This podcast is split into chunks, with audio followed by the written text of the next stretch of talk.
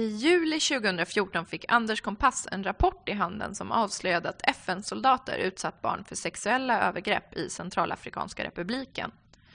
Kompass slog då larm till ansvariga, men istället för att hyllas för sin handlingskraft blev han anklagad för tjänstefel, belagd med munkavle och ombedd att avgå. Han blev senare rentvådd från samtliga anklagelser och valde efter det att lämna FN. Nu ska ni få lyssna till Anders Kompass, diplomat och före detta chef för kontoret för FNs högkommissarie för mänskliga rättigheter. Samtalet spelades in den 1 december 2016 och om ni vill se filmen från FUF-fåtöljen så hittar ni den på vår Youtube-kanal FUF Play. Jag har ju kommit hem eh, efter nästan eh, 20 år borta eh, och jobbat för FN så att jag fortfarande håller på att lära mig om allt som har hänt i Sverige under de här 20 åren. Det är inte så lång tid, men mycket har hänt. Mm. Eh, och jag är tillbaka på UD, där jag började. Jag vet den här, det finns ett talesätt, kanske inte bara i Latinamerika, men på alla platser, att eh, en misstänkt brottsling återkommer alltid till brottsplatsen. Ungefär så känner jag mig. Jag är tillbaka på UD där jag började för många, många, många år sedan. Och också tillbaka till mina gamla frågor, Latinamerika, där jag började som ung student, 20 år, för många år sedan, 40 år sedan. Med uppdrag att eh, se hur Sverige kan eh, fortsätta att intensifiera, öka, bredda sitt samarbete med Latinamerika. Det vill säga, det har ju inte varit så mycket med Latinamerika de senaste åren. Mm. Eh, men innan det som sagt så eh, när jag lämnade UD i, för nästan 20 år sedan, först som tjänstledig och sen så tog, tog jag avsked från UD. Eh, det var för att jobba för FNs kontor för mänskliga rättigheter. Eh, först i Colombia eh, och sen på det, öppnade deras kontor där och sen så i Mexiko och sen i Guatemala. Och de senaste sju åren i, i, på högkvarteret i Genève som ansvarig för det som kallas för kontorets fältarbete. Som låter mycket mer än vad det är men det är inte desto mindre väldigt komplicerat och väldigt svårt. Som det alltid är när man jobbar med mänskliga rättigheter och i synnerhet kanske när man jobbar med mänskliga rättigheter inom FN. Både inom FN, som jag fick ju erfara, men också externt. Eh, när man jobbar för andra FN-organisationer så har man det kanske lite lättare. Eh, eh, men att jobba för mänskliga rättigheter när man tvingas att både se det som pågår i länderna. Jag brukar säga eh, när jag var i Colombia att man man måste nödvändigtvis se vad som finns i källaren och eh, på vinden. Det räcker inte med att sitta i eh, fin, finrummet, i vardagsrummet, men inte ens i köket. Och, och sen måste man då förmedla eh, det som man har sett och de informationer man har fått till de som är ansvariga, det vill säga myndigheterna, regeringen. Och det är inte alla gånger som de tycker om eh, det man kommer att kommer med att berätta för dem. Så det är en, en det är en helt annan roll än till exempel det var att arbeta för UD. Det är mycket lättare att jobba bilateralt och, och framförallt när man har förmånen att representera ett så bra land som Sverige. Svenska kungen det, och svenska flaggan. Man blir i stort sett alltid välkommen och det är vänliga ord och bra samtal. Men när man kommer från FN så är tonen oftast helt annorlunda och jobbar man med mänskliga rättigheter så är det helt annorlunda. Så ehm, men när man arbetar samtidigt på fältet, som, som vi brukar säga i, inom FN-sammanhang, så är det absolut det varit det mest fantastiska, stimulerande arbete jag någonsin har haft. Jag arbetar som jag sa med Latinamerika sedan jag var ung student, utbytesstipendiat i, i, i Guatemala. Jag vill inte stanna kvar i... För det första vill jag se ett annat land än, än det som man traditionellt åkte till som utbytesstudent på de där, i de där åren till ett europeiskt land eller till USA. Jag vill åka till ett u-land. Och jag vill åka till Latinamerika eftersom jag tillhör den där generationen vet, i början på 70-talet med eh, kuppen i Chile med flyktingar från Latinamerika som kom hit till Sverige. Jag pluggade i Uppsala så det var ju en internationell miljö. Jag hade idéer om att bli lärare, pedagog eh, tillsammans med mitt stora historieintresse. Så jag eh, läste mycket om alternativa pedagogiker. Eh, nu brukar man kanske säga flumpedagogiker. Men jag läste Paulo Freire, jag vet inte om någon av er kommer, vet vem det var. Det var en brasiliansk eh, så kallad befrielsepedagog. Pedagogik för förtryckta var en av de här böckerna som jag läste och skrev en uppsats om det och var väldigt intresserad. Så det var väl lite av de där, det var så allt det där tillsammans som gjorde att eh, jag ville till Latinamerika. Sen blev det en slump att jag hamnade i Guatemala. Och eh, vi talade om 1975 och jag gick upp på Dag Hammarskjöld biblioteket i Uppsala för att få lite information om, om Guatemala, om Centralamerika. Det enda som fanns det var en liten dagboksanteckning av Evert Taube som hade besökt Guatemala. Du vet den här sången Solola som han skrev. Det var det enda som fanns 1975 på Dag Hammarskjöld biblioteket om Centralamerika. Det var ju före revolutionen i Nicaragua 79. Så jag kom dit och visste egentligen inte någonting om eh, Guatemala. Men eh, redan eh, ganska kort tid efter, så, efter att ha landat, bodde i en medelklassfamilj, pluggade spanska på universitetet, så kände jag att det, här, det är andra Guatemala som jag vill se. Så jag tog farväl av den där familjen, eh, eh, lilla kommittén som skulle tagit hand om oss. Vi var fyra stycken utbytesstudenter. Eh, eh, de tvingades stänga för de blev hotade och redan då började man märka att det här är någonting som händer i det här landet som man inte riktigt förstår. Och sen jag var en, jag en holländsk tjej, vi stannade kvar och eh, fick kontakter med organisationer som arbetar med att organisera fattigbönder i kooperativ. Det var det enda som egentligen var tillåtet i det där landet på 70-talet. Allting annat betraktades som subversivt, kommunistiskt, fackföreningar och sånt där. Så vi hade sån tur så vi, vi eh, följde med eh, då några som jag tyckte praktiserade lite grann befrielsepedagogiken, det vill säga organiserade fattigbönder och indianbönder uppe i bergen och eh, fick resa runt i landet och, och se den andra delen av Guatemala där folkmajoriteten bor, nämligen indianbefolkningen. Och sen så ville jag stanna kvar och, och få bo om möjligt i en indianby. Och det var en indianby som tog hand om mig och sa ja, ja jag kunde bo där. Så jag stannade kvar där, bodde där ett år, i den här lilla byn utan elektricitet. De allra flesta var analfabeter. Men ändå bli mottagen helt fantastiskt. Och eh, det där eh, präglar ju väldigt mycket och det är det som har varit på något sätt eh, min inspiration i allt jag har gjort sedan dess. Jag har haft också mycket kontakt med den lilla byn eh, genom en annan enskild organisation i Sverige, Agni, som kanske är en sån här okänd liten organisation i Sverige. Vi kunde ge ett stöd till, till den där byn. Så då, jag berättar lite grann om det där förresten i min sommarprogram. Eh, så det, det, det, var det, plus någonting annat som hände sen. Alltså, sen blev situationen ännu värre i Guatemala. Så när jag kom hem så bildade vi en, en solidaritetskommitté för Guatemala. Och situationen blev ju värre och eh, sen började den här väpnade konflikten att tillta med och en fruktansvärd repression mot eh, framförallt indianbefolkningen i, i slutet på 70-talet, början på 80-talet. Men då hade ju redan eh, så att säga, Centralamerika kommit i blickfånget, inte minst genom eh, Nicaragua och händelserna där. Och i, eh, i början på 1980 när jag fortfarande pluggade i Uppsala eh, så fick jag en fråga ifrån dåvarande Frikyrkan hjälper, Diakonia idag, eh, om att följa med som tolk. På den tiden fanns det inte många som kunde spanska i Sverige.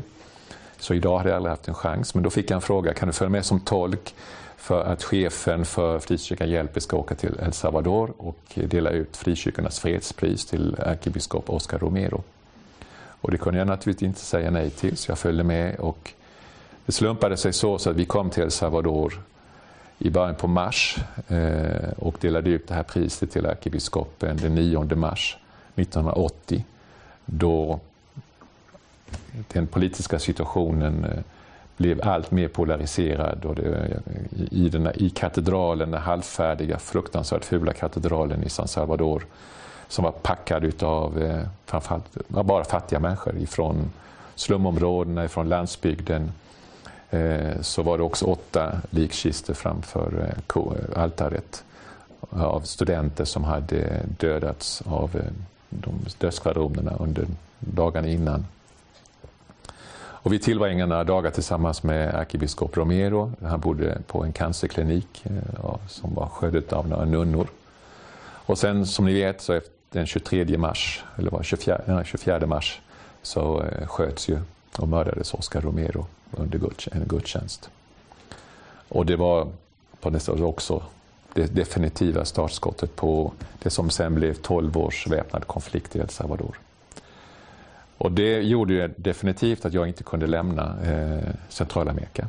Så det var Guatemala och sen El Salvador och sen eh, eh arbetade jag för Diakonia, öppnade deras kontor i, i Centralamerika. Arbetade med flyktingstöd, stöd till eh, basgrupper, framförallt i Salvador, Guatemala, Honduras, Nicaragua.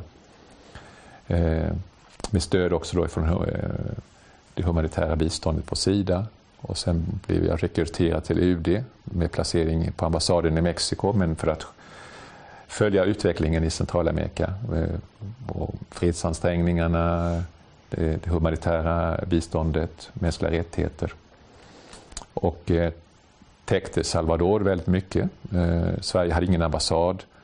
Eh, ambassadör akkrediterad så jag fick bli man kallar för chargé d'affaires i El Salvador. Jag eh, hade ambassaden på fickan. Rörde mig, och genom att jag hade det här kontaktnätet, inte minst inom kyrkan, så kunde jag resa runt i landet. På buss och taxi och folk i kyrkan Eh, skjutsade mig till olika platser. Jag kunde träffa internflyktingar, utsatta grupper. Och ibland så eh, stoppade någon och sa nej, eh, Åk inte dit för där är det ett, en strid mellan grillan och regeringen. Och när vi mötte internflyktingar som ofta då kyrkan, någon från kyrkan, nunnor eller lekmän som hade hand om, så frågade de kanske mina, de som jag kom med, vem är den här mannen? Så sa de, ja han, eh, han lärde känna Oscar Romero, ärkebiskopen. Aha, så öppnades alla dörrar. Och jag fick eh, bli mottagen med stor värme och förtroende.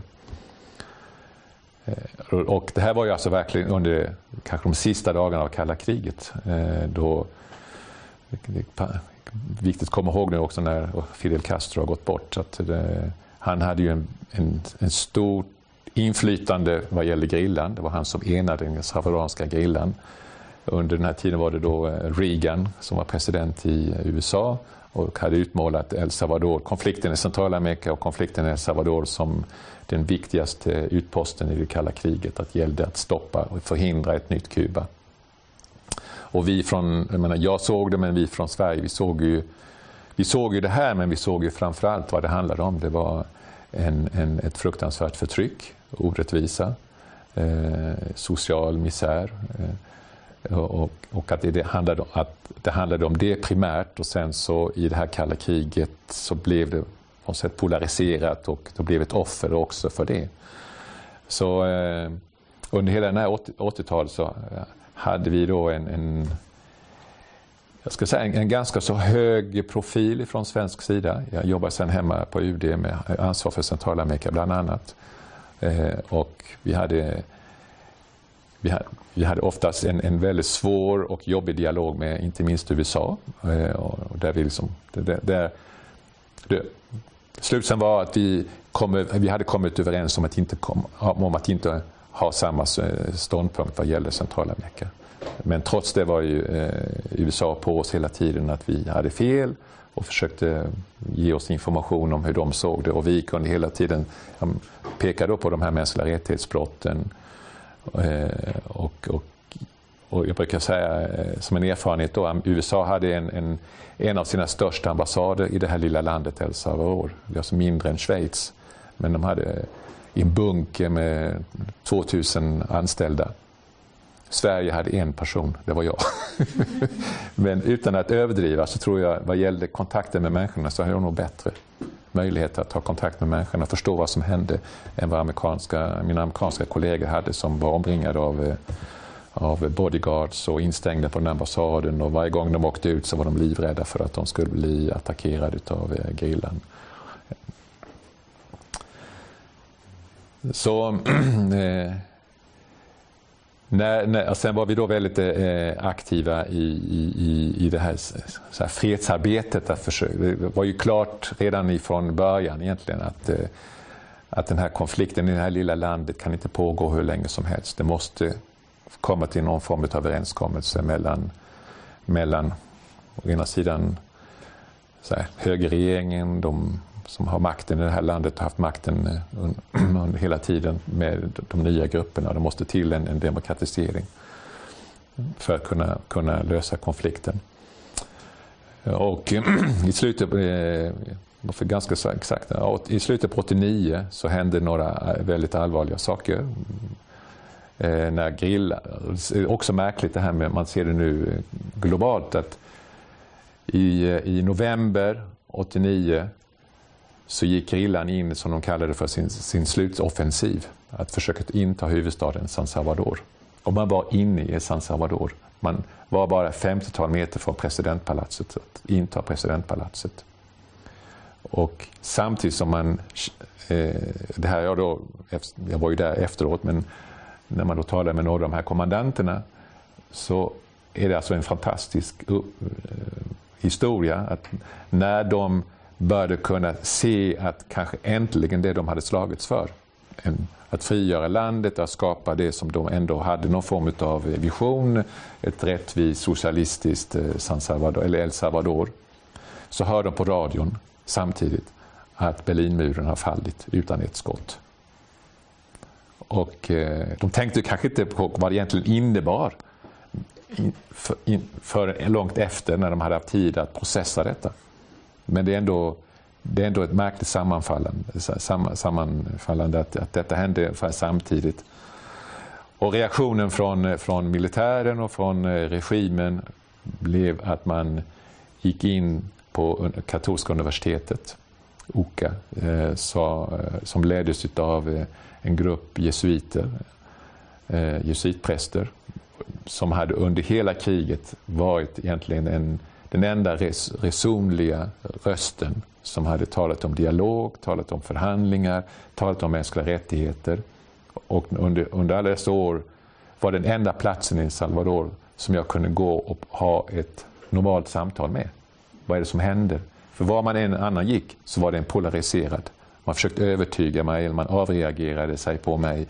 Man fick höra liksom, ett, ett, ett splittrat land, liksom en splittrad familj. Alla vill tala om hur de må, känner det och, och försöka få mig att ta deras parti. På Oka-universitetet, bland jesuiterna, så var det lugn, analytisk diskussion om vad som egentligen hände men ändå en, en fantastisk solidaritet för de som hade det svårt.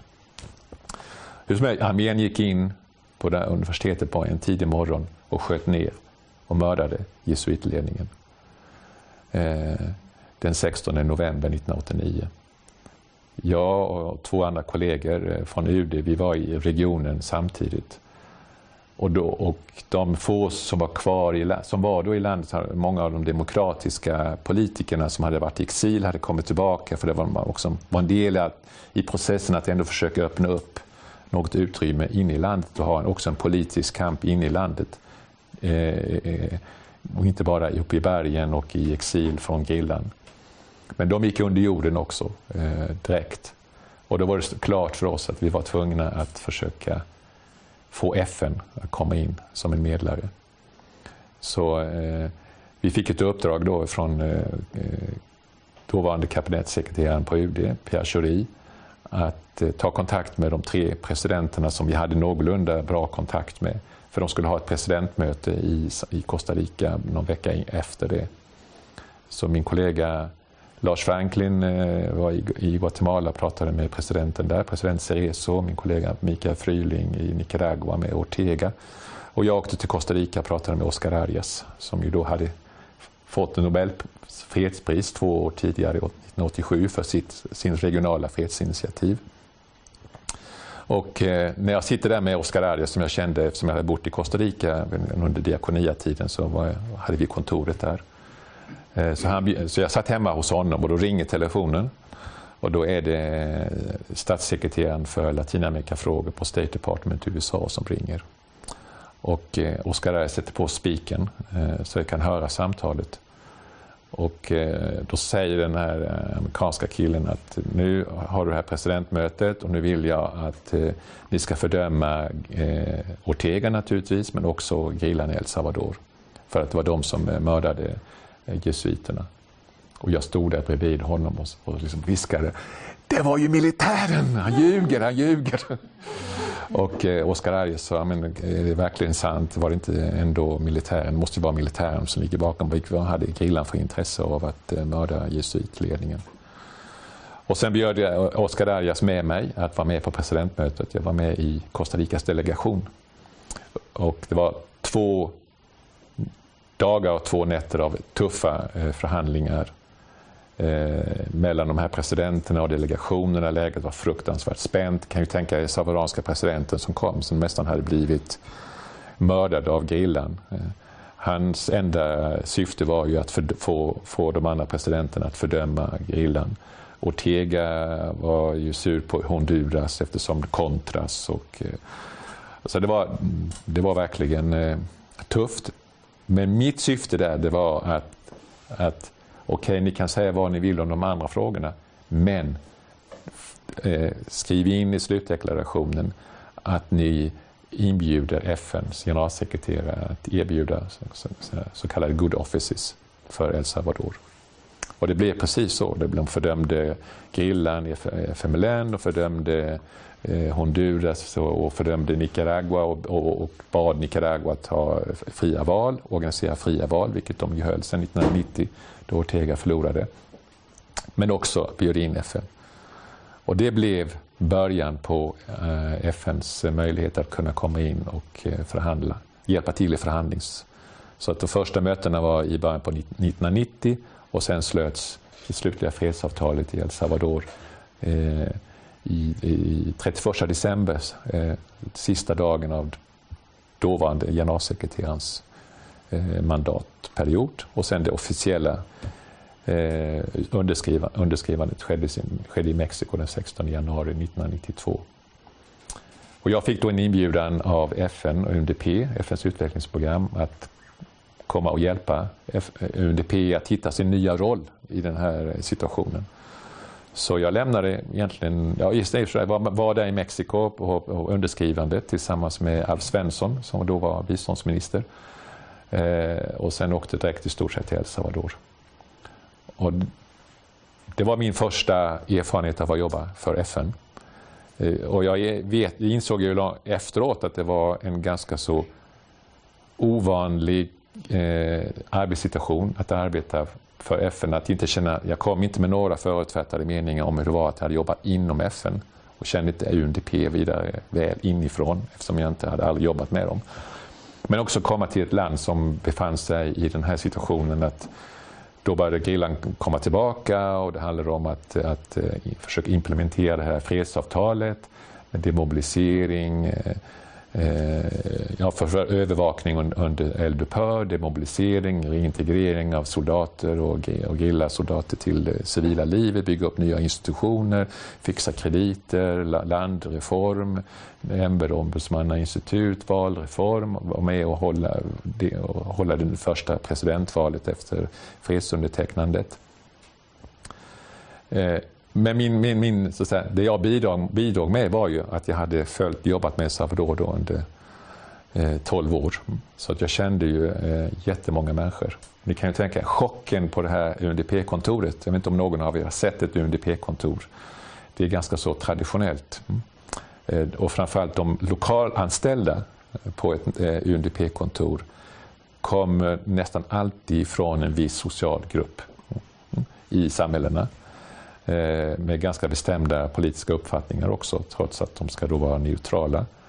Och I det här fallet så var ju då alla eh, av de lokalanställda ifrån de, hög, de övre sociala skikten hade under hela, den här, under hela konflikten haft mycket bestämda uppfattningar om hur hemska grillan var och att det gällde att försvara landet ifrån detta. Och sen så blir det då fred avtal och sen så kommer den här svensken och blir chef för kontoret och sen dräller de här grillar folket in på kontoret. Det var en enorm chock. Eh, och det var, eh, man, ofta så man, man skulle haft en filmkamera och se deras reaktioner då i början. Eh, kan bara en, en ett sån här rolig eh, sak att berätta om det. Det var att eh, när grillan var då, som precis som nu ska en parallell till vad som ska hända i, i Colombia. Grillan, eh, det var eldupphör under nio månader och grillan var samlad på speciella platser som då övervakades av obeväpnade FN-soldater. Vi fick i uppdrag att eh, hantera eh, här, hantera hela logistiken. Ingenting av det var planerat när jag kom. I loppet av två veckor så fick vi fixa fram eh, vatten eh, för att de skulle kunna få det och hur de skulle kunna få sina enkla bostäder, alfabetiseringsprogram, eh, försörjning och allt det där. Det var helt otroligt. Eh, men det lyckades därför att människor hade, det fanns, och jag fick då pengar från Sverige och andra länder som kunde göra det, det som behövdes. Men framförallt var det att hålla, hålla kontakten. Så jag reste omkring varje dag till de här olika uppsamlingslägren för att enkelt ha samtal med eh, gerillasoldaterna som då började, började komma in i den här nästan existentiella krisen. Vad ska jag göra nu? Vad händer med mitt liv? Efter att ha varit gerillasoldat under tio, tio år och kanske mer. Eh, men då eh, kom det också fram att de ville ha fickpengar. Eh, för de fick ju då behov av att kunna behöva köpa någonting och ha fästmön och, och sina familjer började de ta kontakt med. Så då skulle vi, och det här var ju på det fanns inte mobiltelefoner, det fanns inget banksystem, de hade inga bankkonton. Så hur, skulle vi, hur sjutton skulle vi kunna få ut fickpengarna till, till eh, 9000 gerillasoldater som var utspridda på, de skulle vara på 15 platser, de blev över 70 platser. Ja, det enda saken var att få ta ut pengarna kontant och sen stoppa dem i små plastkuvert. Eller eh, vira in dem i plast eh, till 9000 gerillasoldater. Och sen åka med FNs, eh, FN-missionens helikopter och mm, helt distribuera dem. Vem, vem skulle ja, plocka ihop dem med de här 9000 paketen? Ja, så jag frågade personalen om de var villiga att ta en weekend och, och göra det här. Det kanske var för att jag var chef så ingen sa nej, så vi satt i trädgården till Hundepé. Eh, och eh, som tur var ju inte regnperiod så vi kunde sitta ute och, det var, och skaffa liksom fikabröd och sånt där, så vi hade en trevlig stämning. Och så satt alla och plockade ihop de här små pengarna i det här plast, eh, vi rev in dem i plast. Och så hör jag eh, plötsligt eh, administratören, en kvinnan som hade jobbat på kontoret säkert 25 år med mycket bestämda uppfattningar. Hon kände sig som den som var chef representanterna kommer och går, men hon har ju varit där. Så säger hon då högt. Oj, jag trodde aldrig i hela mitt liv att jag skulle sitta här och paketera pengar till de där till de där ligisterna. och det var liksom, alla tänkte, oj, jaha, just det. Men det är ju ganska roligt. Vi gör, nu är vi en del av eh, den nya processen och, och de är ju faktiskt salvadoranska medborgare, pojkar, allra flesta av dem. Så det, så jag, jag hade, så det var en jätterolig FN-erfarenhet. Helt fantastiskt. Jag erkänner att den var ganska unik. För att, eh, och det var också möjligt att kunna få vara med och omvandla kontoret, få människor att jobba i samma riktning. Eh, naturligtvis det, det som var tufft och som vi nu har sett konsekvenserna utav, eh, till nu lång tid har vi sett konsekvenserna utav det. Det var att jag körde helt och hållet i eh, stå vad gällde att få alla i stort sett att förstå vikten av ekonomiska och sociala reformer. Och trots att eh, i eh, valet 1994 FMLN fick eh, en väldigt stor sådär politisk makt. Man förlorade presidentvalet, men man fick ändå 35-36 procent i valet. Men man vann många borgmästarplatser. Men man, i stort sett under 20 år så var man i opposition och, hade, och skaffade sig politisk erfarenhet av att styra massa, eh, eh, eh massa kommuner och, och även huvudstaden San Salvador. Men högern fortsatte att styra landet och den politiska politiken var verkligen det som vi då känner till som Washington konsensus. Alltså mycket ortodox. Och vad det gjorde, det vad det gjorde var att inga egentligen ekonomiska och sociala reformer inträffade. Utan den ekonomiska modellen var att eh, i det här lilla överbefolkade landet så skulle de unga, flertalet, antingen vara i den informella sektorn, vad det nu innebär, att kunna överleva, eller att emigrera till USA och skicka hem eh, eh, remittances, penningaförsändelser, vilket är landets största ekonomiska inkomst. Och det blivit, och, och det, den, den politiken tillsammans med det som redan började inträffa några månader efter fredsavtalet, nämligen att USA också gjorde ett enormt stort misstag att man började deportera tillbaka till El Salvador ung, salvadoranska ungdomar i inte minst Los Angeles som hade råkat i, i lag med de, the gangs i Los Angeles. Eh, och satt kanske i fängelse, hade blivit dömda för något brott. De blev deporterade tillbaka. Eh, många av dem kunde inte ens spanska. Kom tillbaka till ett land där fortfarande eh, så, säga, direkt efter kriget massa vapen som cirkulerade, gillasoldater, eh, regeringssoldater som inte heller egentligen fick något stöd för att kunna integreras. Så det blev början till det som vi nu kallar för de här eh, ungdomsgäng, Maras, som idag är det absolut det största problemet i, eh, i Salvador, i Honduras, i Guatemala. Så det är ju det, det är ju absolut det, det värsta. Och jag, kan, jag kan bara säga att jag försökte eh, men det var ingen som, ingen som lyssnade, naturligtvis inte regeringen på mig. Men jag försökte få dem att förstå rent att vikten av att ha sociala och ekonomiska program för de fattiga och framförallt för de forna gerillasoldaterna och armésoldaterna var en investering inför framtiden. För det finns inget farligare än att ha människor med den bakgrunden och, och, att de inte känner att de har någon möjlighet att kunna göra någonting annat i samhället. Men utan att egentligen ens kunna förstå i min vildaste fantasi att det skulle sluta så hemskt som det har gjort. Men det var ingen som lyssnade. De sa nej, de där eh, eh, de använde inte ordet terrorister på den tiden, men eh, ungefär något liknande. Att de eh, ska inte ha någonting utöver det som eh, andra fattiga människor har, utan de kan gott fortsätta att vara fattiga.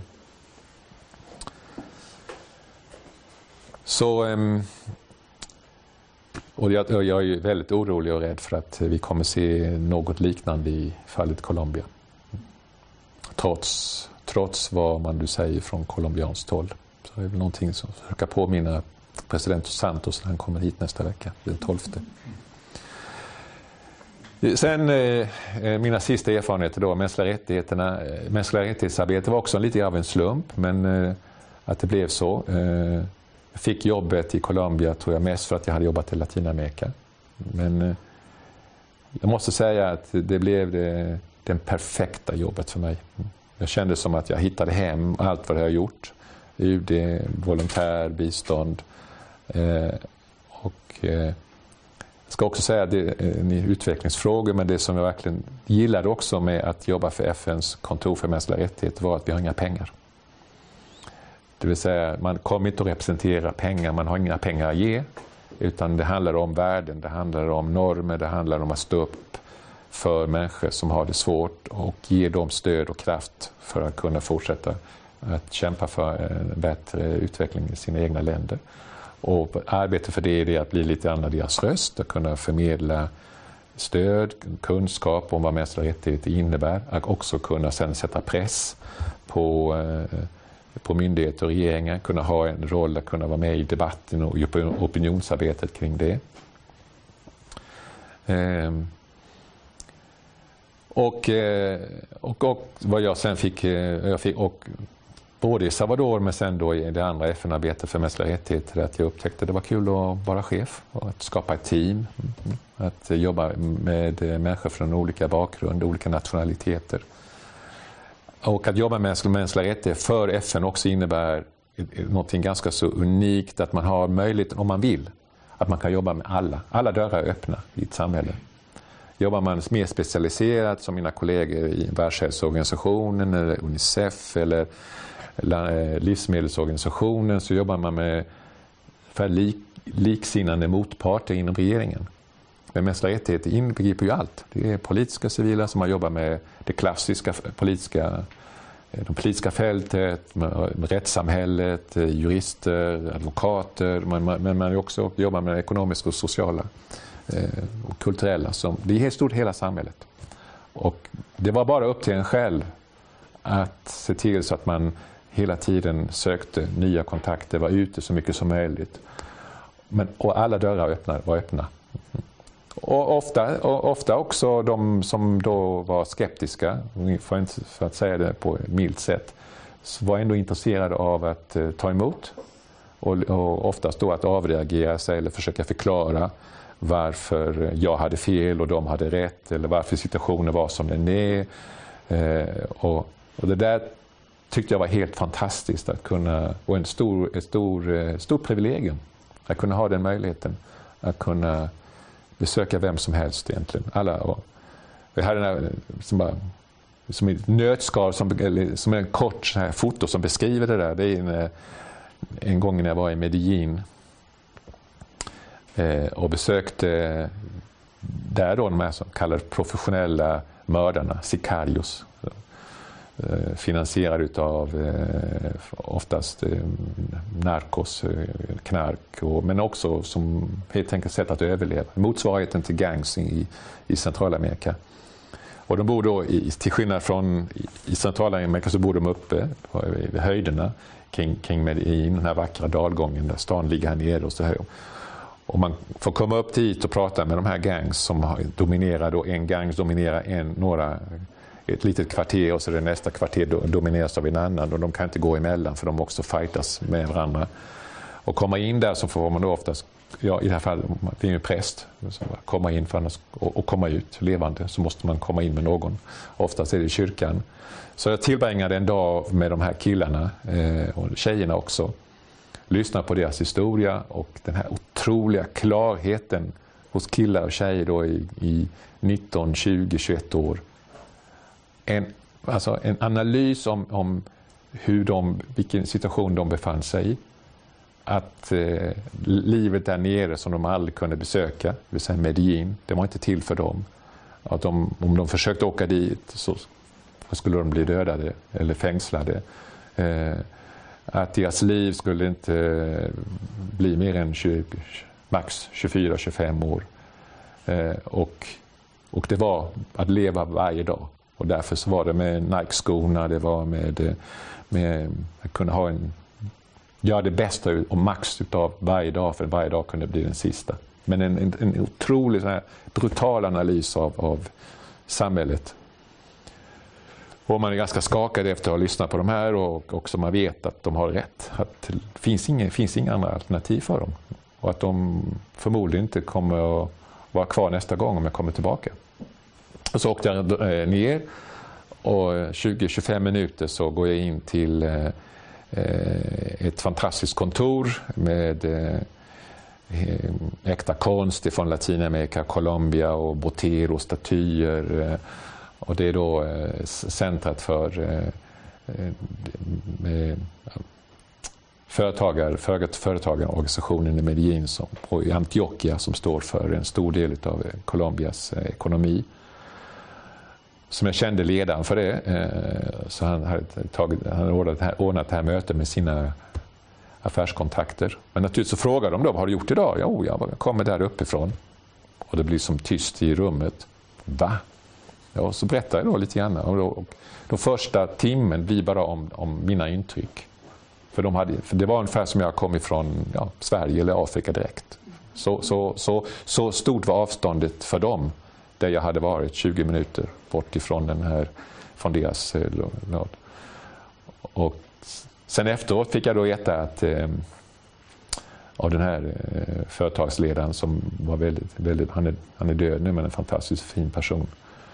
Eh, att de hade blivit så gripna av samtalet eh, så att de hade då efteråt haft ett, ett, pratat sinsemellan och hade bestämt att sätta upp ett eh, stipendieprogram för att kunna ändå hjälpa några av de här ungdomarna till någon form av annorlunda liv, eh, skolgång.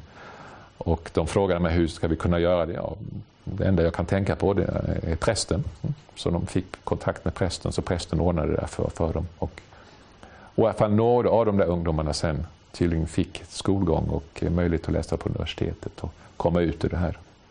Och det är sådana här Menar, det, är inte stort men ändå är det sådana här fantastiska saker som bara inträffar genom att man, man är ute och man, och man träffar människor och så hittar man, kan man förmedla intryck och kontakter och idéer. Så, det eh, så jag är jätteglad och eh, som sagt eh, är full av beundran för alla dessa fantastiska människor jag haft möjlighet att träffa. Eh, så jag, eh, när unga människor som ni, eh, om ni vill jobba för FN, gör det. Men jobba för ett jobb, jobba för en organisation där ni kan jobba bland människor. Stanna inte, eh, sök inte någon organisation där ni måste sitta på kontoret hela tiden. Åk inte till något högkvarter, utan åk för, åk för en organisation där ni kan vara ute på fält. Och var ute på fält, träffa människor. Det är absolut det mest eh, givande. Eh, och, och, det fin, och, det, och som alltid så handlar det väldigt mycket om att, att menar, det, det, det, håller på att förändras också eh, beroende på var, var i världen man arbetar för FN. Men klart, i Latinamerika kan jag säga att fortfarande är det en, en förhållandevis och ganska så stor respekt för, för FN. Men som alltid handlar det om ju, att människorna vet att jaha, den här organisationen du arbetar för, oberoende vad det är för organisation. Men sen är det vad, vem du är, hur du representerar den organisationen. Det är det som människor tittar på. Och det är det som människor kommer ihåg. Ja, ja, du jobbade för FN, men det var ju du som tog dig tid att vara hos oss och lyssna på mig. Mm. Och du var schysst. Och det är, det, det är den friheten och den möjligheten som man kanske har i alla jobb, men framförallt om man arbetar för FN ute på fält så har man den möjligheten att kunna ge mycket av sig själv. Mm. Och vad ska jag säga om det som hände då? Ja, alltså, jag ska säga så här kort eftersom jag har pratat om det så mycket. Du har tre minuter. Ja, jag ska säga, ska, jättetack för det. För att det var ungefär det jag ville. Jag vill inte prata så mycket om det. Men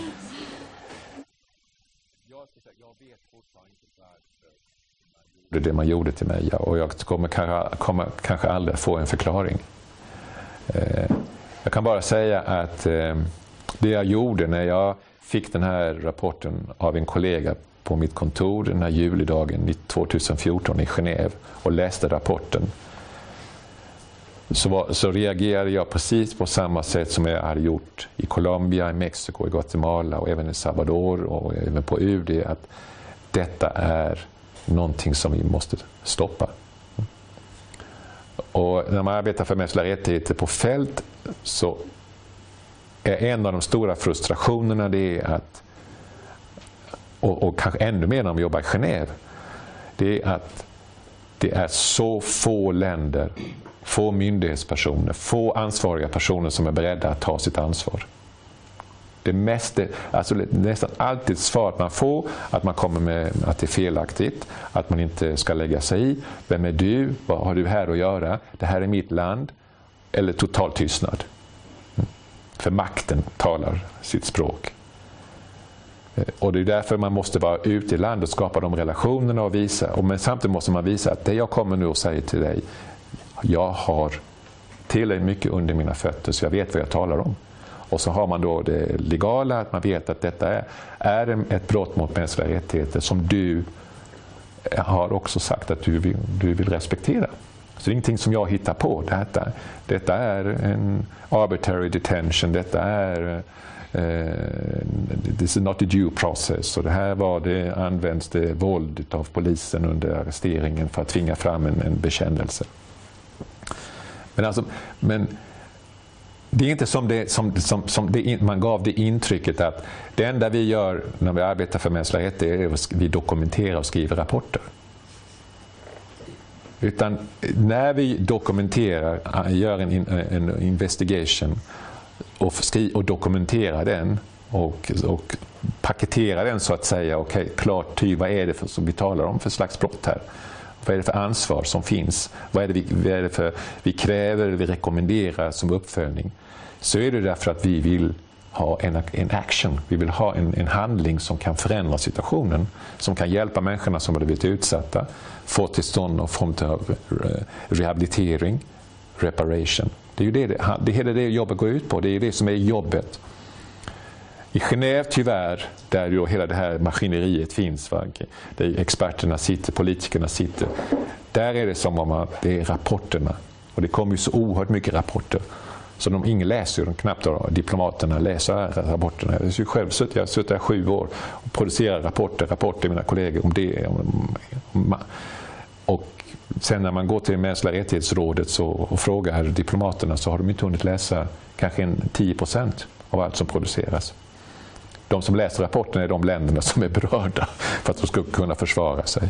Men hur som helst, när jag fick den här rapporten så var ju, jag, och jag visste tillräckligt mycket hur situationen var på plats i Centralafrikanska republiken. Terror mot civilbefolkningen. FN-personalen var illa utsatt. Mina egna kollegor var inte de bästa. Och jag ska säga det på ett, på ett schysst sätt att de var slutkörda. Desillusionerade. Hopplös situation. Eh, vilket man också glömmer bort. Jag har jobbat i länder där man, även på de mest fattiga områdena, så kan man efter några dagar komma någonstans och få en, en, en, en dusch. Va? Men i Centralafrikanska republiken, om man är ute på, på vischan, så finns det inte ens rinnande vatten. Det finns ingenting. Så att det är inte, det är inte, om människor som arbetar under de omständigheterna under lång tid, det är klart att de blir slutkörda. Så jag visste det, att, att så var situationen. Och när jag såg att detta är Frankrike, det var andra länder också inblandade, soldater från andra länder inblandade. Men jag såg Frankrike och jag visste ju att om det är ett land som har speciell ansvar, makt, så är det Frankrike som en forna makt för Centralafrikanska republiken. Om det är något land som också är på något sätt medansvarig för vad som händer i de här forna franska kolonierna så är det Frankrike. Men jag visste också att Frankrike är en rättsstat. Jag vet att visst att Frankrike har ett, har ett erfarenhet av att tackla den här typen av, av, av övergrepp. In, också inom sina egna trupper. Så när jag sitter där då, eh, jag kunde inte sova och grubblar på vad ska jag göra. Eh, hade jag varit i Centralafrikanska republiken själv just då och sett det här så hade jag gått till franska eh, militärbefälaren och sagt att du har några rötägg bland dina trupper, du måste stoppa det här. Mm. Men jag satt i Genève. Så efter några dagar så sitter jag då på det här mänskliga rättighetsrådet på podiet och lyssnar på eh, diplomaternas eh, inlägg. Och det är inte så det är inte vidare upplyftande att lyssna på det. Så de allra flesta sitter på med sin mobil och, gör någonting annat. Men jag sitter där och så råkar jag se franska delegationen, eller jag ser på franska delegationen som sitter lite grann snett framför mig och då, ja, se cajol inte som man säger på spanska. Helt klart, ja, det är ju dem. Ja, visst. Så jag går fram i pausen och säger till franska ambassadören, jag har allvarliga informationer om, om, dina, om, om, er, om de franska trupperna i Centralafrikanska republiken. Och för att de skulle kunna agera, han följde upp va, kom om detta och, och, och, så kan jag få mer information. Jag, både presidentkansliet och militärledningen i Paris eh, eh, tar det här på största allvar men vi behöver lite mer information. Och då gjorde jag också en annan kalkyl att om jag hade bara sagt till dem att ja, eh, det finns, eh, vi har information men ni får själva ta hand om undersökningen och åk dit. I denna kaotiska situation hade några franska polisundersökare kommit till Bangui så hade det, eh, den informationen spridits jättesnabbt bland de franska trupperna. De ansvariga eh, franska soldaterna som gjorde de här sakerna, som pågick, det var ju också det. Det var inte någonting som hände, som oftast, ofta man läser en rapport, att det hände för ett år sedan, eller för fem år sedan, eller tio år sedan. Utan det var något som pågick när jag läste rapporten och hade pågått sedan åtminstone sex månader. Så, ni får rapporten här med namnen på barnen, jag vet inte om de är riktiga barnen. Ni får namnen på kollegorna som har tagit deras vittnesberättelser. För att ni ska kunna identifiera barnen och skydda barnen, men också kunna identifiera soldaterna så fort som möjligt. Så att inte de här soldaterna skulle få tid att kunna, kanske till och med undanröja barnen. I den här kaotiska situationen som rådde, om några barn hade försvunnit, för att uttrycka det milt, ingen hade märkt det. För det var döda barn och kvinnor överallt i Bangui under den här tiden. Så det var, det var min motiv, motivering. Och, och Frankrike gjorde precis det de skulle ha gjort. Vilket man hoppades att alla skulle göra. Alla regeringar skulle agera precis på samma sätt när man kommer med information om den här karaktären. Så jag har absolut inga, ingen kritik mot Frankrike. Tvärtom. Jag berättade för min överordnade för det här var alltså under också en tid där min högkommissarie var på semester, biträdande högkommissarien och var på semester. Jag var i stort sett en, eftersom jag var nummer tre i hierarkin, ansvarig. Så jag berättade för biträdande högkommissarien när hon kom tillbaka vad jag hade gjort. Hon höll med och efter vårt samtal, ungefär så här som jag sitter och berättar. Och eh, hennes assistent, en svenska, informerar New York, generalsekreterarens kontor, eller biträdande generalsekreterarens kontor, eh, eh, om, om, vad jag hade gjort. Att Frankrike var inblandad och Frankrike var varskod och Frankrike följde upp det här. Och sen vet jag eh, veckorna veckan efter under, under hösten, september oktober, att Frankrike var i kontakt med FNs legala kontor om att kunna följa upp med att intervjua de, de FN-kollegorna som hade gjort den här, de här intervjuerna med barnen. Och där lämnar jag det. Det enda jag sa till mina kollegor på fältet var att följa upp och ha kontakt med barnen. Om det är någonting som händer med barnen, låt oss veta det. Och låt mig veta det. Jag fick aldrig någon information. Och sen så går alla dessa månader, vi får en ny högkommissarie och sen i mars 2015 så blir jag då varnad eller ombedd att avgå. När jag inte avgår så blir jag sen en månad senare avstängd från arbetet och anklagad för att ha begått ett allvarligt tjänstefel. Jag överklagar eh, avstängningen, vinner i FNs interna domstol, får komma tillbaka till arbetet. Eh, stämningen är ju då inte så bra. Eh, allting det har blivit offentligt och jag blir, jag blir räddad därför att också FN-kollegor Eh, läcker massa information om hur man på FN-chefsnivå hade bestämt sig för att jag hade redan begått ett allvarligt tjänstefel och jag var redan fälld, jag skulle bli avskedad. Men man behövde den här interna utredningen för att eh, så här, rättfärdiggöra avskedandet. Det vill säga helt emot eh, oskuldspresumtion och eh, you know, separation of, of power. Allt det här vi, som ute på fältet man hela tiden slagits mot. Att en, en, en undersökning ska vara oberoende, juri, eh, åklagarämbetet ska vara oberoende, domstolsämbetet ska vara oberoende. Men här inom FN så var allting symbiosiskt eh, eh, sammantaget och man följde order ifrån eh, från FN-chefen om vad som skulle göras. Och det, det, läckte, och det läcktes och sen så blev det då en, ska bara, och sen blev det den här externa utredningen eftersom det blev en skandal. Efter den här informationen kom ut så generalsekreteraren var tvingad att tillsätta en extern utredning. Och den rapporten är offentlig och är en förödande kritik emot eh, FN, institutional breakdown. Men frigav mig helt och hållet.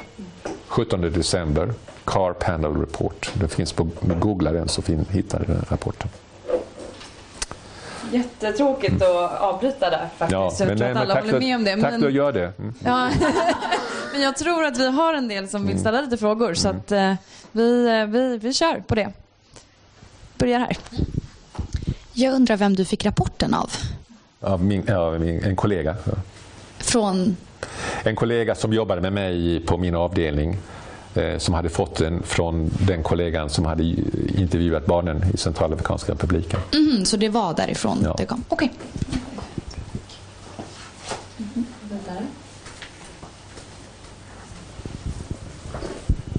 Hej. Um, jag tänkte fråga om en helt annan grej här nu. Så jag, jag hoppar lite ämne här.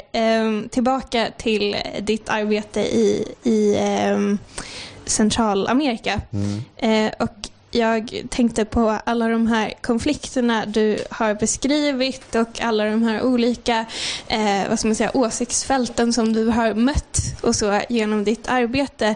Eh, och jag tänkte då på det här med konsten att kunna medla eh, och att kunna ehm, prata med folk och lyssna på folk men framförallt kanske också ehm, får dem att, att vilja lyssna på andra mitt i, mm. i sin egen liksom, ilska och, och eh, frustration. Så.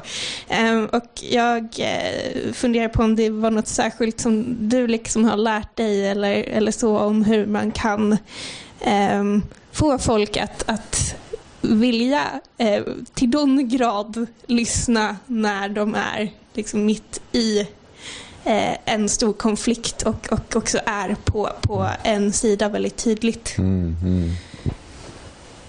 Ja, nej, det, är, det är verkligen en, en viktig fråga. Jag tror inte det finns, eh, finns något enkelt svar på det. Mm. Det kan vi ju se idag när när krigets logik eh, tycks ha tagit, tagit över handen. Va? Syrien är ett skrämmande exempel på det. Så tyvärr verkar det som att, eh, att, eh, att, att det finns olika faser. Man skulle, eh, att det är inte för en, människa, en, en konflikt eller en, en, ja, har nått en viss fas där det finns möjlighet för människor att börja tänka i andra banor om, om andra eventuella alternativa utvägar, det vill säga en, en politisk lösning eller en fredlig lösning, förhandlingslösning. Och I Salvador tog det ju jättemånga år, va? nästan tio år innan man äntligen förstod att eh, det var det bästa. Och det är väl liksom de internationella, de eh, regionala och internationella aktörerna har ju väldigt viktig roll. Det kan vi också de kan, de kan ju spoliera och, och, och, och så länge det inte finns någon, någon, någon en, en gemensam eller åtminstone någon slags eh, hållning bland de regionala och internationella aktörerna så är det ännu svårare. Kan vi se i Syrien. Det finns ingen internationell enighet om att stoppa konflikten utan tvärtom så spär man på den.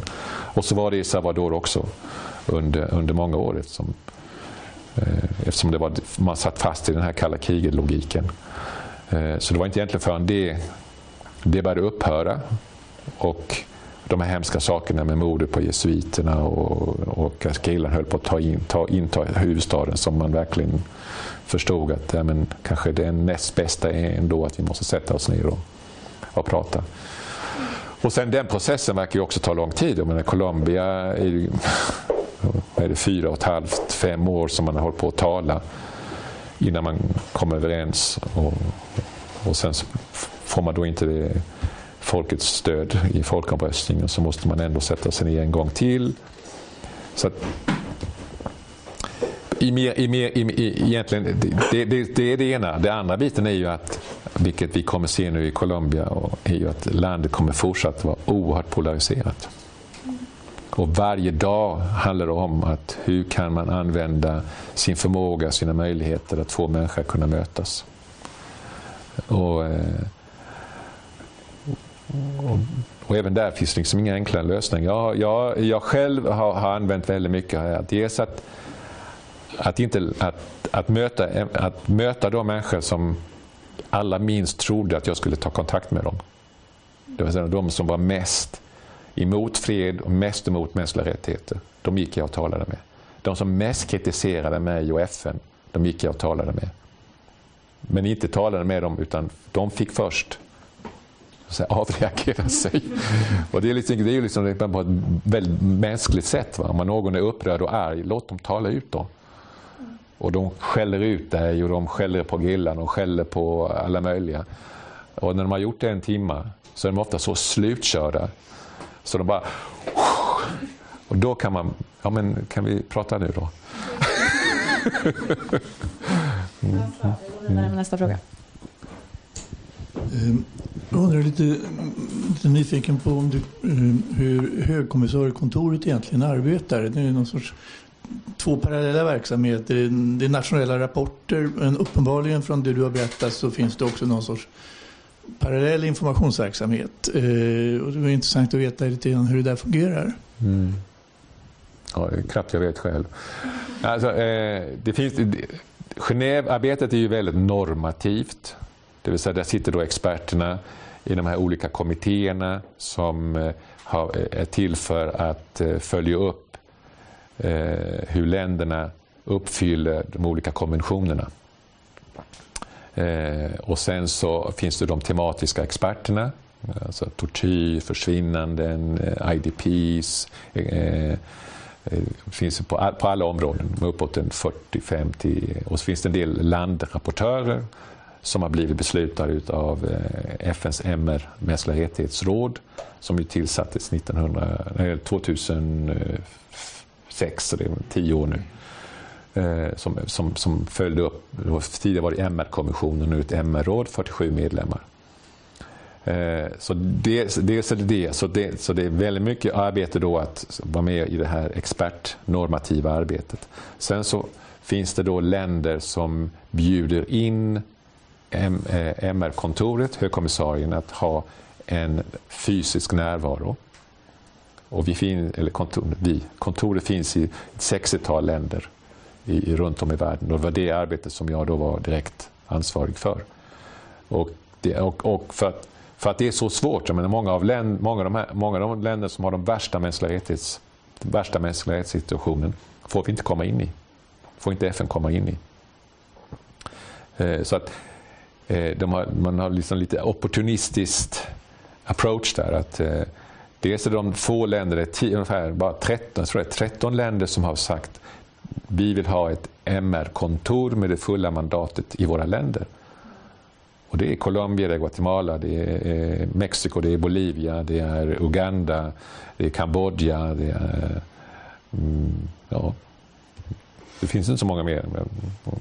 Och sen så har vi då några, eller har MR-kontor, några regionala kontor eh, runt om i världen. Och sen så eh, i de här stora FN-fredsmissionerna. El Salvador var det första, det första fredsavtalet och fredsmissionen som hade ett mänskliga rättighetsavtal. Och alltså en, en, en avdelning som jobbade med mänskliga rättigheter. Det har sen blivit eh, praxis. Så i stort sett alla FN-missioner idag i världen, de här 16, 17, 18, har en MR-komponent. Eh, och de svarar upp också till MR-kontoret. De är representanter för, för högkommissarien. Eh, samtidigt som de ingår i de här stora missionerna. Eh, och, då, och därmed så är de också finansierade av eh, budgeten för freds, de fredsbevarande styrkorna. För vi har, alltså MR-kontoret har inte mycket pengar. De, alltid de, här, e, de här egna kontoren är finansierade av frivilliga bidrag från eh, medlemsländerna, det vill säga biståndsgivarna. Sverige är ju största bidragsgivare naturligtvis till kontoret i Colombia och Guatemala. Eh, och, de, där, och, de, men, och där det primära, primära arbetet är ju alltså att ha en dialog, ständig dialog med de ansvariga regeringarna och myndigheterna, det civila samhället. Eh, men också producera årsrapporter som presenteras till eh, MR-rådet. Och sen så är det då resolutioner och få vissa uppdrag, undersökningsuppdrag, Commission of Inquiries. Eh, så det är Sydsudan, eh, Eritrea varit, eh, Syrien är den, eh, den längsta Commission of Inquiry som har nu pågått för 5-6 år. Som har producerat rapporter var sjättonde månad som presenteras både till MR-rådet i Genève och till generalförsamlingen eller i, i New York. Och sen är tanken är att det ska vara liksom en uppföljning. Att, att medlemsstaterna ska göra någonting utav det här, den här informationen. Men den politiska situationen i, inom FN och också i mänskliga rättighetsrådet är väldigt polariserat. Så det är inte så mycket mänskliga rättigheter man egentligen diskuterar. Eh, Ulla Andrén heter jag. Jag vill tillbaka till eh, vad du pratade om eh, senast. Då, om, om, för I Sverige har du ju blivit väldigt känd som, som visselblåsare då du har larmat om allvarliga missförhållanden inom FN-styrkorna. FN-systemet är ju inte känt för att ha någon bra visselblåsarfunktion. Tror du att, att det som du har genomlidit, eller vad vi nu ska kalla det för, Eh, kommer att ha någon effekt för det här inom FN-systemet eller är det bara i Sverige vi har fått dig som, som kändis och visselblåsare? tack för din fråga, för jag måste då eh, säga att jag eh, känner mig inte som visselblåsare. Jag var ingen visselblåsare, jag gjorde mitt jobb. Hade, jag varit viss, hade inte Frankrike agerat så hade jag kanske tvingats bli visselblåsare, det vill säga gå till massmedia. Men eftersom Frankrike agerade, och det är ju liksom det märkliga att under, under hela den här tiden, från juli 2014 till slutet på, ja, ja till den 17, eh, vad var det, eh, 27, 29 april 2015 så var det ingen i, i offentligheten som visste att jag hade lämnat över rapporten till Frankrike. Mer än FN och Frankrike. Men ingen, ingen, så det var först när The Guardian publicerade sin artikel som det blev offentligt. Och sen så har det då varit jättemycket skriverier runt om i världen. Vad fick The Guardian sin? De fick det av, av eh, FN-kollega. Eftersom jag då satt hemma och eh, filade på min överklagan så visste ju några inom FN visste ju vad, varför jag hade blivit hemskickad. När jag blev hemskickad och avstängd från jobbet så visste ju ingen varför. Jag kunde, fick inte säga någonting. Jag blev belagd med munkavel. Och det var det mest otäcka av allt för att spekulationerna satte igång. Vad har han gjort den här Anders? Stulit pengar, kanske sexuellt eh, trakasserat sin, någon av sina kvinnliga medarbetare. Så det var det mest otäcka. Det var därför jag, när jag fick höra att, om att eh, FN-domstolens utlåtande eller dom var offentlig. Och man sa till mig att du, du kommer inte att vinna. Det är ingen som vinner mot FN-ledningen. Men eh, domen kommer bli offentlig och säga ja, då går jag. För jag vill att ändå mina medarbetare, mina familj, min kollega, familjen visste men mina medarbetare, mina kollegor, alla människor jag jobbat med, ni här i Sverige, de som känner mig sedan tidigare skulle veta varför jag hade blivit avstängd. Så, och sen visade det sig ändå att jag vann. Dom, domaren sa att min avstängning var helt olaglig. Han använde de orden. Men som sagt, jag var inte visselblåsare, men jag vet ju nu efteråt, eftersom jag har haft kontakt med jättemånga visselblåsare inom FN, och, som har lämnat FN, att jag blev behandlad som en, som en visselblåsare. Så jag vet ju också det nu, hur det är att bli behandlad som visselblåsare. Och på slut, jag tror inte att FN har lärt sig någonting. Mm. Ja, stort tack för den här väldigt intressanta resan genom din karriär. Um, min fråga bygger lite på det vi talade precis om nu. Um, du har ju gett oss två väldigt olika bilder av FNs arbete. Den väldigt positiva, byggande, stärkande arbetet och den här väldigt negativa. Vi ser ju just nu, inte minst sagt i Europa, röster som arbetar för att um, försämra synen på superinternationella institutioner som FN och EU. Hur ser du arbetet framöver för att främja dessa typer av institutioner och det goda arbetet som de ändå gör?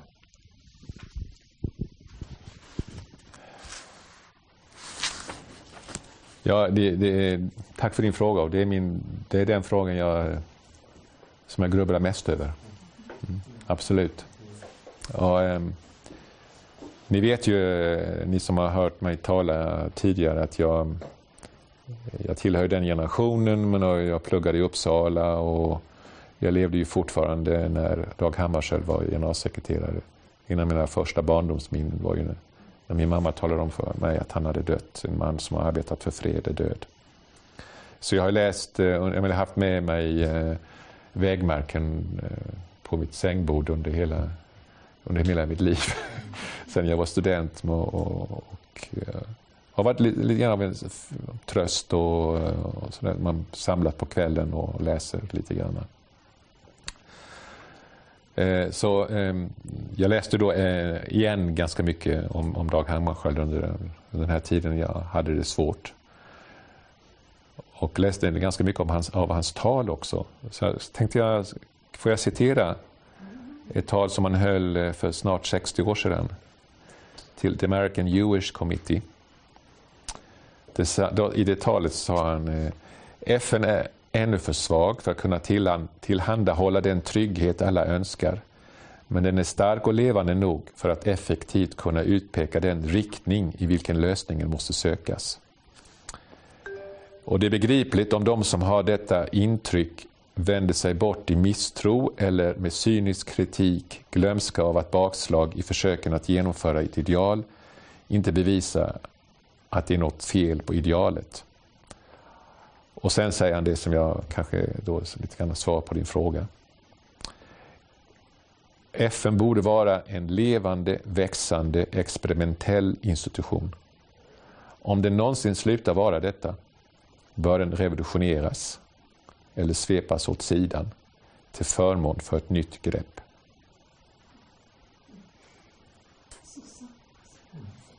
Det är ganska starkt att Dag Hammarskjöld sa det redan 1957 och använde ordet revolutionized. Så att ehm, det är upp till er nu.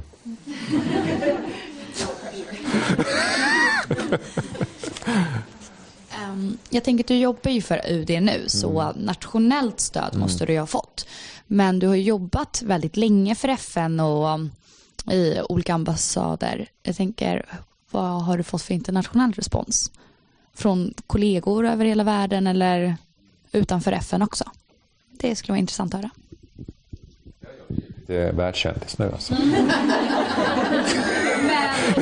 Men jag menar personligt. Ja, ja, ja, ja nej, men jag har fått, jag har fått så mycket. Alltså, jag, jag, min fru som har varit eh, det absolut det, mest, det viktigaste stödet och om det är någon som har fått eh, eh,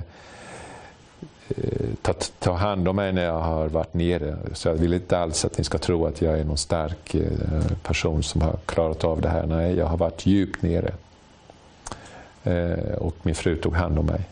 Men hon sa ju också då när jag fått så mycket stöd eh, att eh, jag ska vara oerhört glad och tacksam för att höra alla dessa fantastiska saker och alla dessa uttryck om, om stöd till, till sig själv och erkännande för vad man har gjort. Om inte min, om alla människor från Latinamerika, människor som jag har jobbat med och som glömt bort att de fanns och hört av sig. Det är ju liksom också modern, den, tidens teknik möjliggör ju det som min fru sa att du ska vara eh, väldigt glad och tacksam för att det här är no det normala är att man hör sånt här när man ligger i kistan på sin begravning. Men du har ju hört det medan du fortfarande lever då måste ju någonting av det vara sant. Mm. Så att eh, absolut. Samtidigt har jag då fått, eh, fått, fått ta del av så många människor som då har hört av sig till mig som har haft det svårt och verkligen blivit eh, mycket illa behandlad av den här organisationen. Och, och de säger ju då att ja, vi, att vi, vi fick ju aldrig eh, samma stöd och chans som du, men vi, vill, men vi är ändå glada. Och, så på något sätt hoppas de då att jag ska kunna göra någonting. eh, Och det, det, det, det, är det jobbiga. Igår när jag kom hem så var det ett nytt meddelande eh, ifrån en kollega som vi faktiskt jobbar på MR-kontoret som berättade någonting absolut hemskt. Om hur hon är utsatt nu och behandlad. Jag tror tyvärr att vi får snabba på lite för att vi har bara en kvart kvar och det är många som vill ställa frågor. Ja, jag skulle bara vilja ställa en fråga när du sa att du hade pratat med Oscar Romero. Var han någon gång så han kände sig hotad till livet? För de fick ju sen svårt när Ratzinger och Johannes Paulus den andre såg till att de försvann ut ur bullorna. Och har de nu fått någon hopp igen under Franciscus? Ja, Romero, eh, när jag nu tänker tillbaka, jag, menar, jag tänkte på det efter att han blev mördad, att han visste om att han skulle, skulle, så att han skulle dö. För, för Ratzinger var ju rätt hård i denna romerska... Den, ja, den, som var, den som eh, fördömde honom när han fortfarande var i livet, det var ju Juan, Pablos, Juan Pablo II som man säger på spanska. Vad heter han? Men, Juan, han, men han hade ju kulisserna med Ratzinger som fortsatte. Ja. Och de tog ju livet av Johannes Paulus den första. Som skulle ta och rensa Ja, ja, ja. Men, men Romero som ni vet har ju nu fått upprättelse och är på väg att bli helgon. Men får de nu en chans att komma tillbaka? Ja. De gjorde ju stor nytta i Latinamerika. Ja, ja men det är en latinamerikansk påve, jesuit dessutom. Eh, jo, jag tänkte återgå till det här med ditt eh, tjänstefel. Eh, Inga-Britt Ahlenius sa ju en stor artikel i DN i somras att eh, Ban Ki-Moon är helt oduglig, tror jag var hennes ordval. Och när hon hade skrivit den där rapporten så hade hennes döttrar sagt att mamma, måste du använda så hårda ord? Du kan inte bara säga att han är lite liksom, mindre bra. Och Eftersom han är helt oduglig så skriver jag att han är helt oduglig, skrev hon. Va? Och eh, jag är väl inte ensam om att inte vara jätteimponerad av honom. Men däremot när det här hände dig så blev jag väldigt, väldigt bekymrad för den biträdande generalsekreteraren eh, Jan Eliasson och hans roll i den här historien. För där var det väl i alla fall enligt svensk press eh, två versioner. Version ett var att någon, någon eh, anställd hos honom hade fått rapporten och sen påstod att han hade rapporterat det vidare. Sen ändrade han sig och sa att han hade inte rapporterat det vidare. Ehm, det, du kanske vet svaret på det, men det jag egentligen lite för efter det är ju just där som du var inne på, att vi lever ju i en tid med sociala medier och väldigt mycket, alltså det är mycket svårare att dölja saker idag än vad det var för ett antal år sedan. Och som ett barn av massmedievärlden kan jag bara säga att det här låter ju verkligen verkligen som någonting som The Guardian och andra borde fortsätta att nysta i. För allas vår skull, så att säga. Frågan är, har du kontakt med pressen? Kommer det att, kommer det att skrivas mer om det här, tror du? Jag tror, ja, jag vet att eh, det är eh, journalister som eh, fortsätter att arbeta på det här. Både svenska och utländska.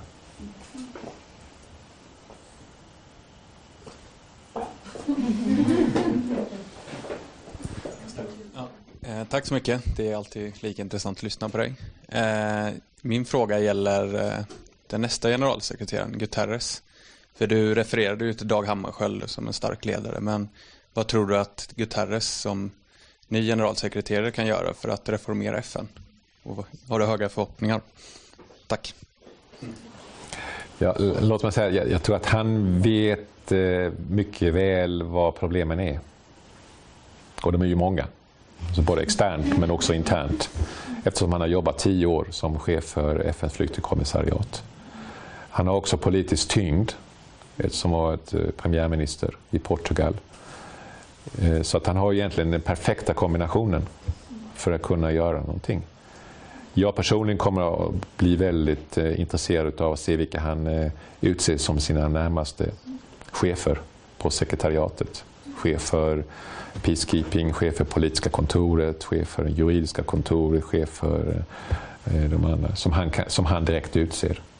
Och som ni vet så till exempel chefen för Peacekeeping, Fritz, eh, Department for Peacekeeping Operation, har ju varit eh, i stort sett en post som Frankrike haft monopol på över 20 år. Och eh, politiska affär, political affairs eh, har delats mellan USA och England.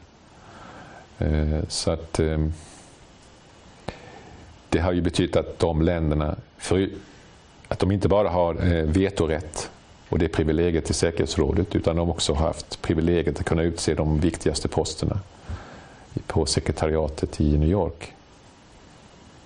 Och så det kommer jag att titta nu mycket noga på och se om man har haft friheten att kunna eh, utse bra personer som inte nödvändigtvis kommer från länder som redan sitter som permanenta medlemmar i säkerhetsrådet.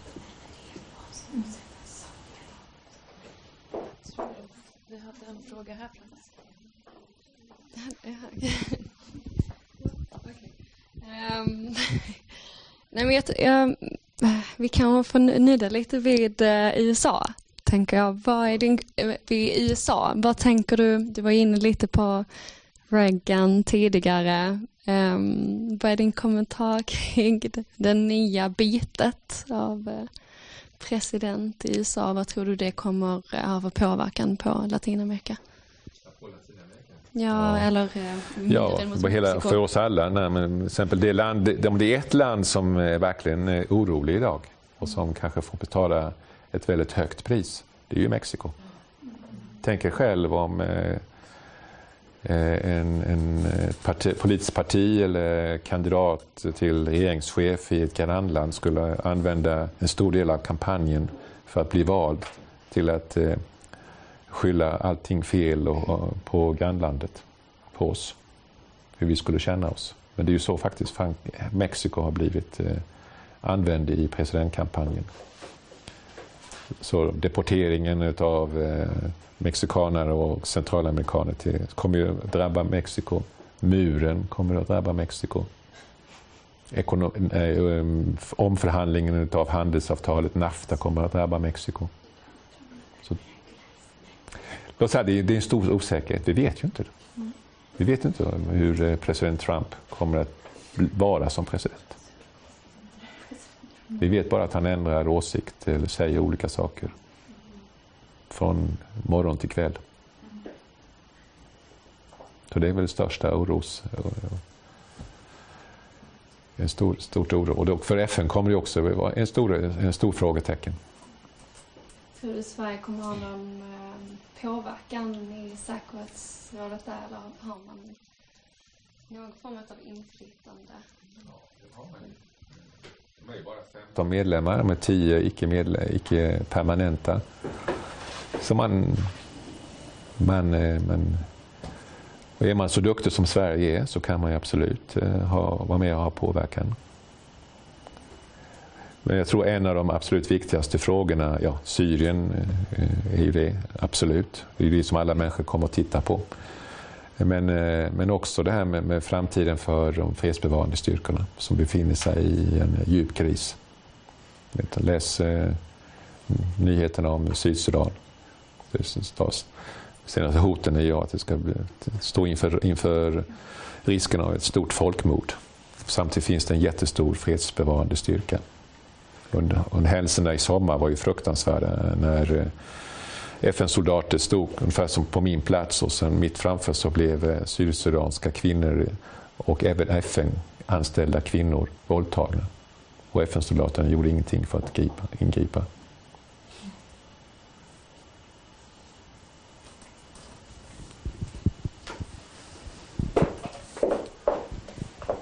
Hej, tack för ett fantastiskt eh, intressant eh, redovisning. Jag eh, skulle vilja fråga dig, eh, du näm om jag förstod det rätt så nämnde du att eh, det är ett antal länder där eh, MR-kommissionen inte får komma in och arbeta ja, i kontoret.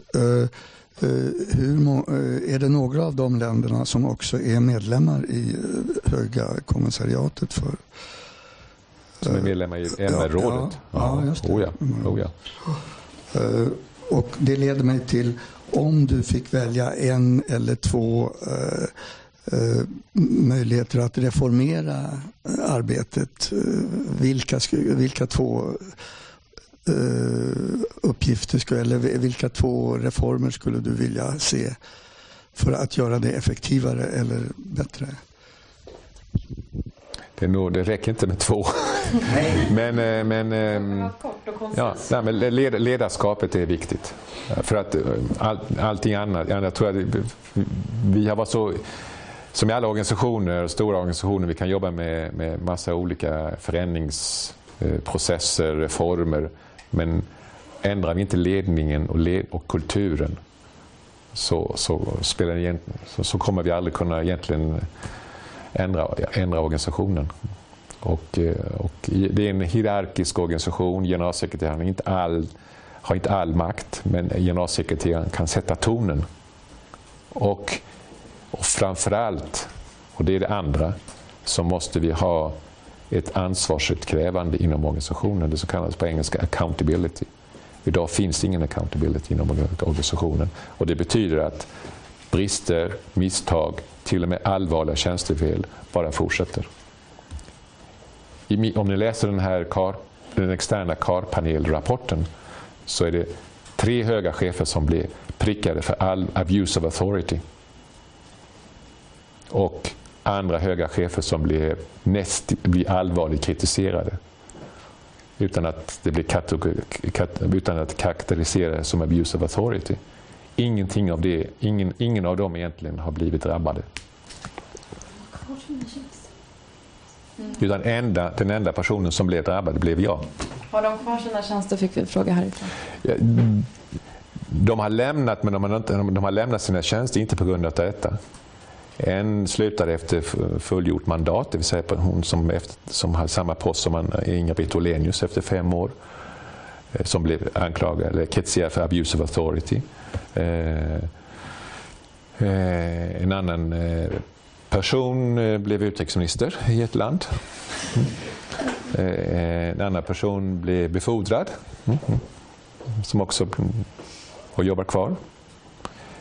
Chefen för, MR, för FN-missionen i Centralafrikanska republiken omgav, ombads att avgå i september, nej, i i juni, juli 2015, det vill säga när allting hade blivit offentligt och då, när, när det blev offentligt, The Guardian och The New York Times, Foreign Policy och alla tidningarna började publicera detta så var det som att lyfta på eh, locket på Pandora-boxen och då kom det bara en full ström av nya eh, uppgifter på eh, sexuella övergrepp i Centralafrikanska republiken. Och då blev det för mycket för generalsekreteraren så att han i stort sett sa till FN-chefen, en eh, senegalesisk eh, generalmajor, att han var tvungen att lämna. Men han blev, han blev också prickad av panelrapporten för Abuse of Authority, för han hade ju vetat om det här. Alltså han, när, jag fick rapporten, när jag fick rapporten i juli, slutet på juli 2014, då visste han om att detta hade pågått flera veckor, om inte en månad innan jag fick veta det. Och han hade bestämt sig för att inte säga någonting. Vare sig till New York eller till Frankrike. Trots att han var själv generalmajor. Och man tycker att han kunde ha talat med sin franska kollega som är militärer emellan. Men han valde att inte göra det. Men vad kan du säga till oss för att vi ska forts ha fortsatt förtroende för FN som organ? För det verkar ju ja. som att det är eh, kört. Alltså det, det, finns det, ja, det är som i dialogen, det måste finnas accountability. Det ordet är oerhört viktigt. Och det är så naturligt tror jag för oss. Eh, och, men har inte, det är det när vi, när vi talar, med, vi talar med impunity, straffrihet, det är någonting vi talar hela tiden när man jobbar med mänskliga rättigheter. Vi bekämpar impunity. Vi, vi, måste komma åt impunity. Varför existerar impunity, straffrihet? Därför att det finns ingen accountability. Alltså, det är väldigt enkelt. Kan man bara fortsätta göra det man har gjort, det vill säga man har gjort fel, felaktiga saker och ingenting händer, så fortsätter man med det. Och varför är det, har det blivit så i FN? Därför att FN är för långt borta. Det finns eh, för långt borta. Eh, eh, massmedia är för långt borta. Den, den massmedia som tyvärr bara intresserar sig för FN är den amerikanska massmedian. Och de har då ett annat politiskt syfte.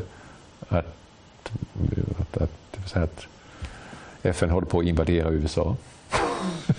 ungefär, ungefär liksom det är de, eller FN är helt ruttet och bara lägger av. Men, alltså, så att, men den här andra eh, kritiken om, om att, som jag, som, att om vi, eh, och framförallt för oss eftersom vi tror på FN och vi, eh, vi, vi vill att den här organisationen ska fungera, så måste ju den också ta de här sakerna på allvar. Det är ju så, vi, det är så, vi har, det är så jag vet ju som svensk tjänsteman. Jag vet ju att jag är eh, att gör jag någonting som är fel så får jag, får jag, så får jag stå till svars för det. Mm. Tycker du att FN har tagit det här på allvar? Nej. Vi får nästan köra sista frågan här nu. Mm. Med de brister som du eh, har eh, identifierat i FN och säg att man skulle införa någon form av mekanism för accountability. Har du fortsatt personligt tro på FN? Eller är det något, om man ska återkoppla till eh, det du sa tidigare, är det något som borde svepas åt sidan?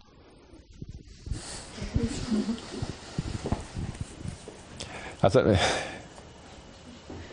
förlåt att jag, att jag blir lite eh, hård, va? men vi kan ha den här diskussionen. Men låt oss under några sekunder försöka identifiera oss med barnen i Centralafrikanska republiken och deras anhöriga. Har de någon, någon, har de någon förtroende och hopp vad gäller FN? Vi ser ju inte FN här. De ser FN och de, för dem var FN det sista hoppet om att kunna få någon form av skydd kvinnorna i Sydsudan, har de något hopp om FN? Så de har, det är ju egentligen de som har svaret. Om de säger nej, vi har inget, inget hopp, vi har inget förtroende längre för FN, då spelar det ingen roll om vi har hopp eller förtroende för FN. För FN är till för de människorna. Och Gud hoppas att, aldrig, att Sverige aldrig behöver ha FN-trupper i Sverige. Det finns colombianska journalister och äh, äh, mänskliga rätts, rättighetsorganisationer i Colombia som har skrivit till mig och sagt Anders, nu när vi kommer ha FN-trupp starta idag, bevaka eldupphör-avtalet och eh, koncentrationen av Farc-grillen så, så har vi satt upp en watchdog för att kunna se till så att de eh, FN-soldaterna inte gör några övergrepp på civilbefolkningen i Colombia. Och hänvisa till, för vi nu har sett hur detta har, har varit systematiskt i alla FN-missionerna och vi vill inte att det ska, samma sak ska inträffa i Colombia. kan du ge oss råd hur vi kan sätta upp en sån watch?